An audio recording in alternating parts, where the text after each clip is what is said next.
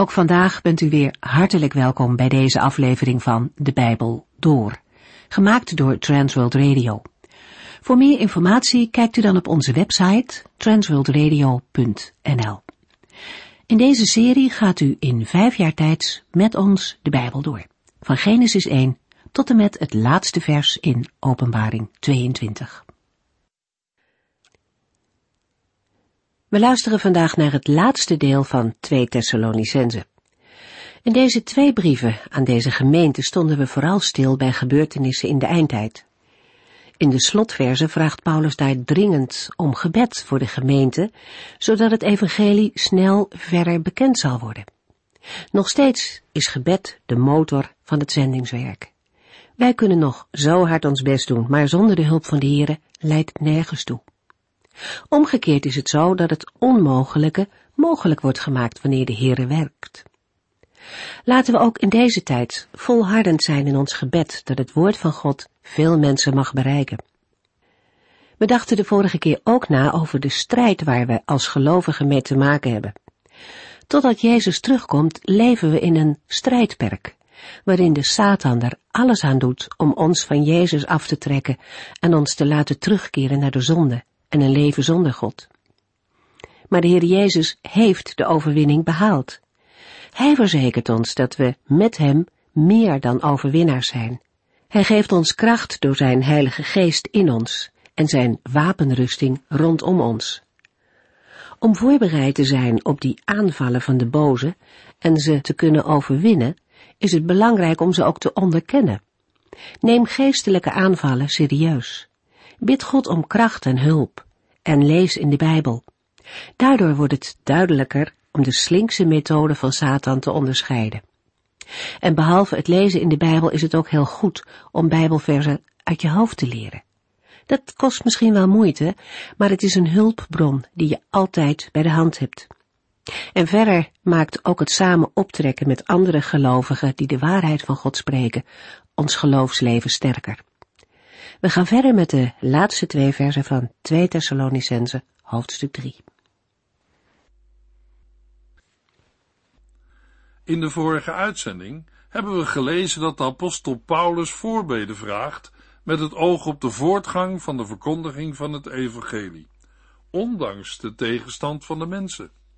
Met een beroep op de trouw van de Heer Jezus wenst Paulus de gelovigen in Thessalonica trouw, volharding en geduld toe.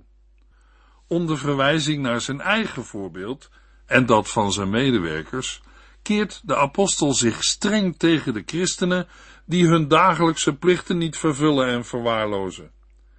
Bij volharding in dat kwaad moet de gemeente tuchtmaatregelen treffen. Met 2 Thessalonicense 3 vers 7 eindigde de vorige uitzending met de woorden u weet zelf hoe wij bij u hebben geleefd. Daaraan kunt u een voorbeeld nemen. U hebt gezien hoe wij onze plicht vervuld hebben. In het vervolg noemt de apostel een aantal voorbeelden waaruit blijkt dat hij en zijn medewerkers hun plicht hebben vervuld. 2 Thessalonicense 3 vers 8 Wij hebben van niemand geprofiteerd. Dag en nacht hebben wij hard gewerkt om niemand tot last te zijn. Ook al hebben Paulus en zijn medewerkers in Thessalonica bij Jason gelogeerd, ze hebben voor hun verblijf betaald. Voor de vertaling wij hebben van niemand geprofiteerd, staat in het Grieks de minder algemene aanduiding, wij hebben geen brood als gave bij iemand gegeten. Bij deze woorden moeten we bedenken dat brood eten een Joodse uitdrukking is voor alle maaltijden en het verdere levensonderhoud. Het was een principe van Paulus om het evangelie te verkondigen zonder van de pas bekeerde levensonderhoud te vragen, ook al had hij daar wel het recht toe. In de praktijk van het leven van Paulus betekende dat moeite, inspanning en zwaar werk doen met je handen. In 2 Thessalonicense 3 stelt Paulus zijn gedrag ten voorbeeld aan de gemeente, opdat degenen die niet willen werken onder tucht worden gesteld. Op zijn zendingsreis werd Paulus soms wel door bestaande christengemeenten ondersteund. Met name de christengemeente uit Filippi stuurde Paulus gedurende zijn verblijf in Thessalonica tot tweemaal toe een financiële gift.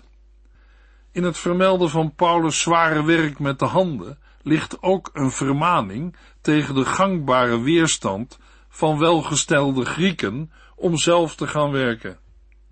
In 1 Thessalonicense 2 vers 9 had de apostel hen dat al in herinnering gebracht met de woorden U herinnert zich wel, vrienden, hoe wij ons voor u hebben ingespannen. Dag en nacht zijn wij in de weer geweest.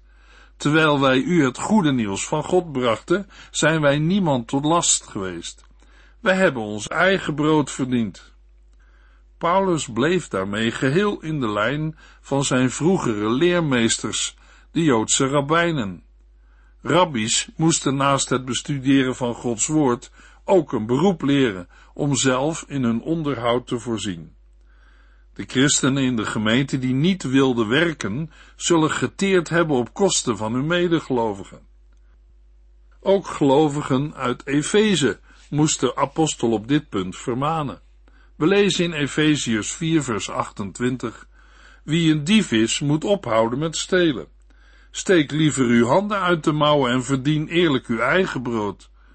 Dan kunt u nog eens iemand helpen die gebrek heeft.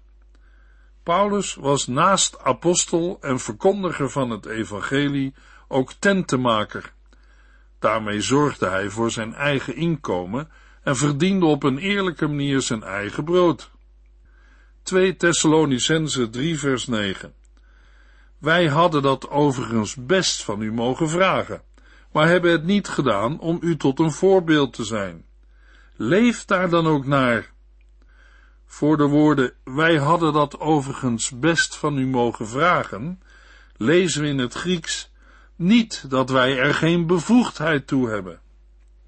Het Griekse woord voor bevoegdheid betekent macht, kracht, vermogen, volmacht, autoriteit, recht enzovoort. Paulus had zeker het recht om een vergoeding voor levensonderhoud aan de christengemeente te vragen, voor het werk dat hij in de gemeente deed. Maar hij heeft bewust geen aanspraak gemaakt op die bevoegdheid om geen hindernis voor het evangelie op te werpen en zoveel mogelijk mensen te winnen voor Christus. Als voorbeeld ter navolging dient niet zozeer het afzien van het recht op onderhoud, als wel het zware werk met de handen van Paulus en zijn metgezellen. 2 Thessalonicense 3 vers 10 Toen wij nog bij u waren, hebben we u er al op gewezen dat wie niet wil werken, ook niet zal eten. De woorden, we hebben u er al op gewezen, zijn een weergave van, wij hebben u al bevolen. Het geeft aan dat Paulus de woorden die hij schrijft al vaker tegen de Thessalonicenzen had gezegd. Zowel door zijn voorbeeld als ook in zijn onderwijs heeft Paulus aan de christengemeente duidelijk gemaakt dat wie niet wil werken ook niet zal eten. We kunnen ons afvragen of deze woorden hoorden bij het normale onderwijs van Paulus, of dat er toen pas aanleiding toe was om op dit punt nadruk te leggen. In ieder geval is het zo dat de gedachte dat werken en eten samengaan niet van Paulus afkomstig is. De woorden en gedachten waren zowel uit het Oude Testament als uit de Griekse literatuur bekend. Het nieuwe in 2 Thessalonicense 3 is het element van de bereidheid om te werken. Aan het slot van vers 10 is sprake van de wil om te werken, zodat het niet kan worden toegepast op zieken, invaliden, ouderen en werklozen. Voor de woorden ook niet zal eten staat in het Grieks een gebiedende wijs. Laat hem niet eten. Het is mogelijk dat Paulus concreet aan de liefdemaaltijden van de gelovigen denkt, waarvan sommigen, die niet wilden werken, misbruik maakten. Het is interessant om te ontdekken dat een groot deel van de twee brieven aan de Thessalonicense handelen over openbaringen of profetieën van de Heer over de wederkomst van Christus, maar bijna de helft van de brieven gaan over praktische dingen in het dagelijkse leven en de christelijke levenswandel. Daarmee geeft Paulus nadruk aan de praktische kant van de terugkomst van Christus voor zijn gemeente. Zal de Heere bij zijn wederkomst ons bezig vinden met het werk dat hij ons heeft gegeven? Bij alle interpretaties, meningen en gedachten van de profetieën over de terugkomst van Christus, is het goed om ons te realiseren dat een woord van de Heere door de Heilige Geest in een profetie bekendgemaakt zichzelf in de tijd zal uitleggen. Een voorbeeld daarvan vinden we in de beschrijving van het Pinksterfeest in Handelingen 2. Nadat de mensen zien en horen dat de christenen in vreemde talen spreken, woorden die de Heilige Geest hun ingaf, zeiden zij tegen elkaar, wat heeft dit toch te betekenen? Die mensen hebben vast te veel zoete wijn gedronken. Dan staan de twaalf apostelen op en neemt Petrus het woord. Handelingen 2 vers 16. Wat hier gebeurt, is al lang geleden door de profeet Joel voorspeld. God zal aan het einde van de tijd zijn geest over alle mensen uitstorten. In wezen vertelt Petrus dat op de Pinksterdag de profetie van Joel in vervulling is gegaan. Prachtig en helemaal waar. Maar Petrus vertelt nog meer en citeert daarbij nog steeds de profeet Joel. In dezelfde profetie vertelt Joel wat hem door de Heer is geopenbaard. In wezen zijn het woorden van de Heere zelf. En die woorden zijn dat er nog meer dingen zullen gebeuren, maar die zijn nog niet in vervulling gegaan. Bijvoorbeeld Handelingen 2 vers 20 en 21. De zon zal veranderen in duisternis en de maan in bloed, voordat die grote en ontzagwekkende dag van de Heere aanbreekt. Dan zal ieder die de naam van de Heere aanroept, gered worden. De verschillende lagen in de vervulling van de profetie zal de Heilige Geest op Gods tijd openbaren. Wij christenen moeten waken voor eigen invullingen, gedachten en uitleggingen. Paulus schrijft in 2 Thessalonicense 2, vers 1 tot en met 3a, wat de terugkeer van onze Heer Jezus Christus en onze hereniging met Hem betreft, broeders en zusters, vragen wij u dringend het hoofd koel te houden. Laat u niet in de war brengen door geruchten dat de grote dag van de Heere er al zou zijn. Als u mensen hoort die hier over een profetie of een bepaalde uitspraak of zelfs een brief van ons zouden hebben gekregen, geloof hen niet. Laat u door niemand iets wijsmaken, want die dag die komt pas als twee dingen zijn gebeurd. Maar luisteraar, het feit dat wij Gods profetieën niet precies kunnen uitleggen, mag ons er niet toe brengen te gaan twijfelen aan het profetische woord van God. Zijn woord staat vast en is zeer betrouwbaar. Laten we in de zekerheid dat Christus terugkomt op de wolken, vol verwachting uitzien naar de grote dag van de Heere. Ja. En hoe doe je dat? Mogelijk kan de volgende geschiedenis ons op weg helpen. Een tuinman van een groot landgoed in Noord-Italië leidde een bezoeker rond door het kasteel en de prachtige, goed onderhouden tuinen. Tijdens het middagmaal prees de bezoeker de tuinman en zijn vrouw voor de mooie manier waarop ze het kasteel en de tuinen onderhielden. Tijdens het gesprek over de tuinen en het kasteel vroeg de bezoeker Wanneer is de eigenaar van het landgoed voor het laatst langs geweest? Tot verrassing en verbazing van de bezoeker zei de tuinman, ongeveer tien jaar geleden. Na een tijdje vroeg de perplexe bezoeker, maar waarom houdt u de tuinen en het kasteel dan zo onberispelijk en op zo'n schitterende manier bij? De tuinman gaf als antwoord, omdat ik hem op ieder moment terug verwacht. Komt hij dan volgende week terug? vroeg de bezoeker. De tuinman antwoordde: Ik weet niet wanneer hij terugkomt, maar ik verwacht hem vandaag. De tuinman leefde iedere dag in de verwachting van de terugkeer van de eigenaar. En dat deed hij door gewoon bezig te zijn met het werk waarvoor hij door de eigenaar was aangenomen.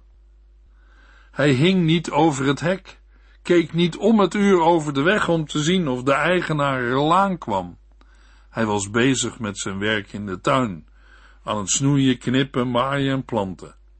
In het kasteel hielp hij met voorkomende klusjes en zo was hij druk bezig en voorbereid op de terugkomst van de eigenaar. Laten ook wij zo bezig zijn met het werk van de Heere, in afwachting van zijn wederkomst. Laten we luisteren naar de oproep van Paulus aan de Thessalonicenzen. Wat de terugkeer van onze Heer Jezus Christus en onze hereniging met Hem betreft, broeders en zusters, vragen wij u dringend het hoofd koel te houden. We lezen verder. 2 Thessalonicense 3 vers 11. Want wij horen dat er sommigen onder u zijn die hun plichten niet vervullen. Zij willen zich niet vermoeien met werken, maar zich wel bemoeien met andermans zaken.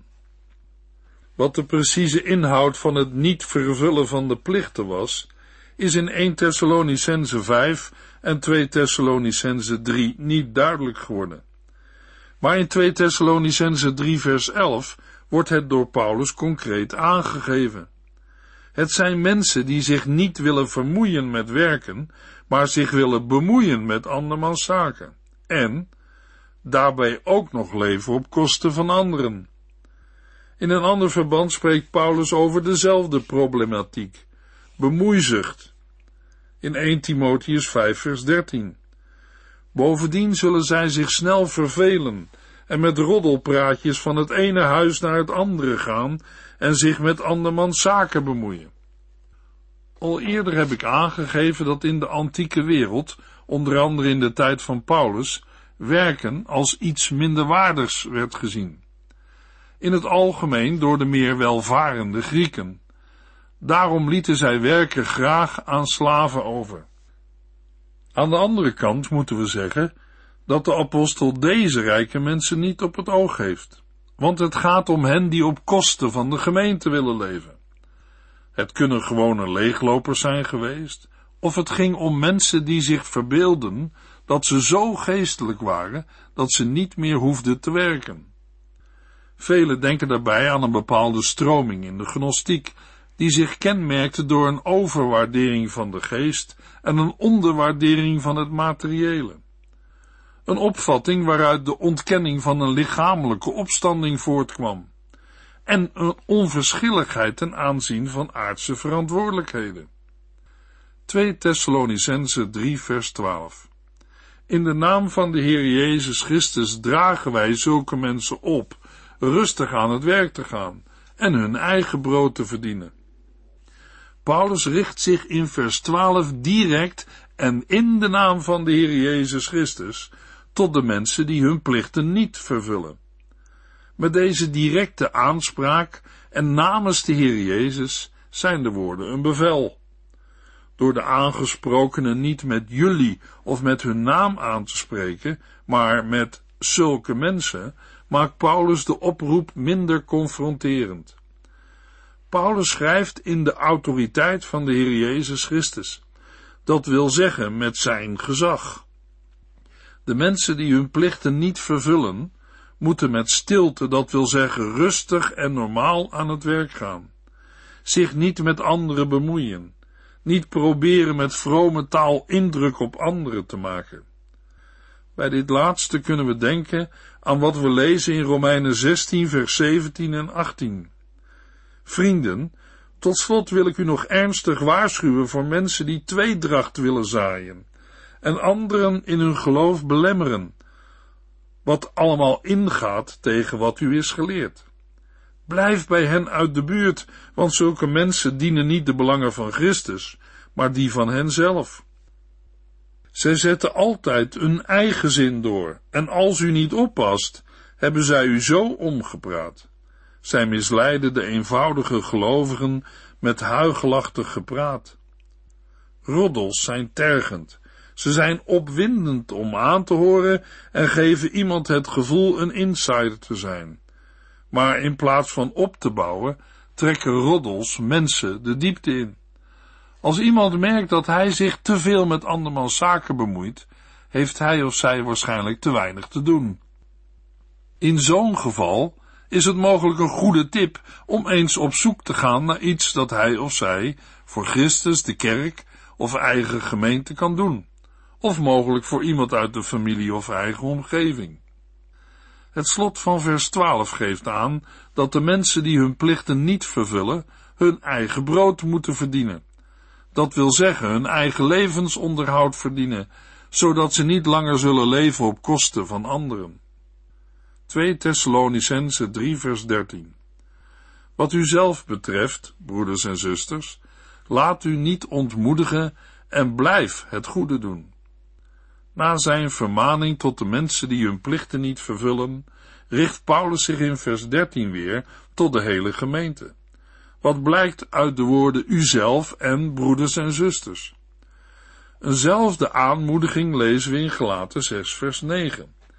Laten wij nooit ophouden met goed doen, want na verloop van tijd zullen wij de zegen ervan oogsten, als wij tenminste niet opgeven. In vers 13 stimuleert Paulus de gemeente van Thessalonica om ondanks teleurstellingen niet te verslappen in naaste liefde. Blijkbaar zijn veel gemeenteleden te ontmoedigd en teleurgesteld om het goede te doen en de naaste lief te hebben als zichzelf. Dit kan mede het gevolg zijn van het misbruik dat gemeenteleden, die hun plichten niet vervulden, hebben gemaakt van de liefdadigheid van de gelovigen in Thessalonica. Daarom roept de apostel op nooit te stoppen met goed doen en niet op te geven. 2 Thessalonicense 3 vers 14 Als iemand niet luistert naar wat wij in deze brief zeggen, moet u hem als ongehoorzaam bestempelen en links laten liggen. Dan zal hij zich wel schamen. Paulus verwacht dat de meeste plichtsverzakers wel zullen luisteren. Maar als er toch iemand niet luistert, moet de gemeente overgaan tot een tuchtmaatregel. Daarmee wordt in vers 14 het geen contact meer hebben met christenen die hun plicht verzaken uit vers 6 concreet uitgewerkt. De Thessalonicensen moeten de bedoelde broeder of zuster bestempelen als ongehoorzaam en links laten liggen. Daarmee wordt de plichtsverzaker ook uitgesloten van de liefdemaaltijden. Het begrip bestempelen is niet helemaal duidelijk, omdat er waarschijnlijk geen sprake was van een ledenlijst in de gemeente. Mogelijk ging het om een openlijke afkondiging van de naam van de bepaalde broeder of zuster en de te nemen maatregelen. De plichtsverzakers waren namelijk al mondeling en schriftelijk verscheidene keren terecht gewezen. De bedoeling van een tuchtmaatregel is niet om de zondaar of overtreder te straffen, maar om hem of haar beschaamd te maken, zodat hij of zij tot inkeer komt. 2 Thessalonicense 3 vers 15 Behandel hem niet als een vijand, maar als een broeder die gewaarschuwd moet worden.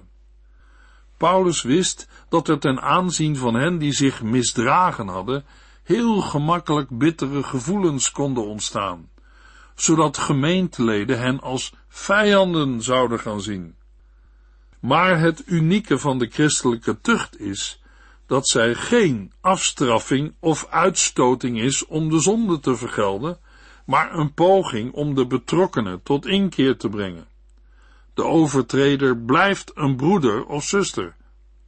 In de gemeente van Christus moeten overtreders worden terechtgewezen, maar met zachtmoedigheid en vriendelijkheid, zodat hij of zij zich zal bekeren.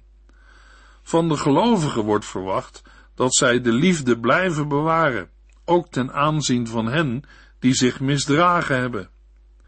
2 Thessalonicense 3 vers 16 Ik wens u toe dat de Heere van de vrede u altijd zijn vrede zal laten ervaren, wat er ook gebeurt. Laat hij bij u allen zijn. Nadat Paulus de gemeente vermaand heeft om de overtreders niet als vijanden te zien, bidt hij haar vrede toe, te alle tijden en op iedere manier. Vers 16 benadrukt opnieuw dat de Heere de bron is van alle vrede. 2 Thessalonicense 3 vers 17 Zoals aan het slot van al mijn brieven schrijf ik, Paulus, zelf de groet.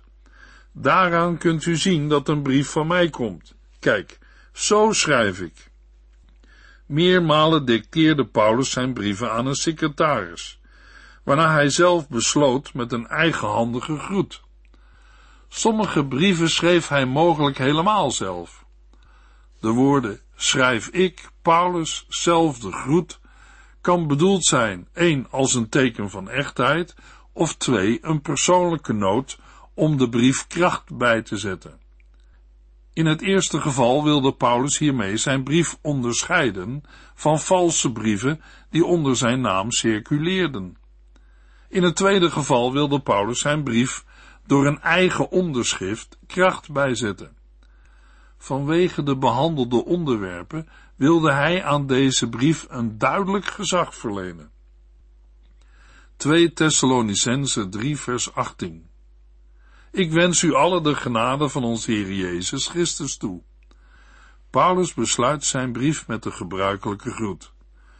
Op één punt wijkt de groet af van de andere. Paulus schrijft, ik wens u allen de genade van onze Heer Jezus Christus toe. Dat de apostel hier allen toevoegt, heeft te maken met het feit dat de zegenbeden van Paulus zich ook uitstrekt over de overtreders die hij in 2 Thessalonicense heeft vermaand. In de volgende uitzending maken we een begin met het Bijbelboek Jeremia uit het Oude Testament. U heeft geluisterd naar De Bijbel Door, in het Nederlands vertaald en bewerkt door Transworld Radio. Een programma waarin we in vijf jaar tijd de hele Bijbel doorgaan. Als u wilt reageren op deze uitzending of u heeft vragen, dan kunt u contact met ons opnemen. Tijdens kantooruren kunt u bellen op 0342 47 8432 0342 47 8432. Ook kunt u een e-mail sturen naar de transworldradio.nl en natuurlijk kunt u ook via de post ons bereiken. TWR, postbus 371, postcode 3770, AJ in Barneveld. Dit programma werd gepresenteerd door Cor Weda en Ike André. Techniek was in handen van Odin van Voerkom. En wij allemaal bedanken u voor het luisteren. Graag tot de volgende keer.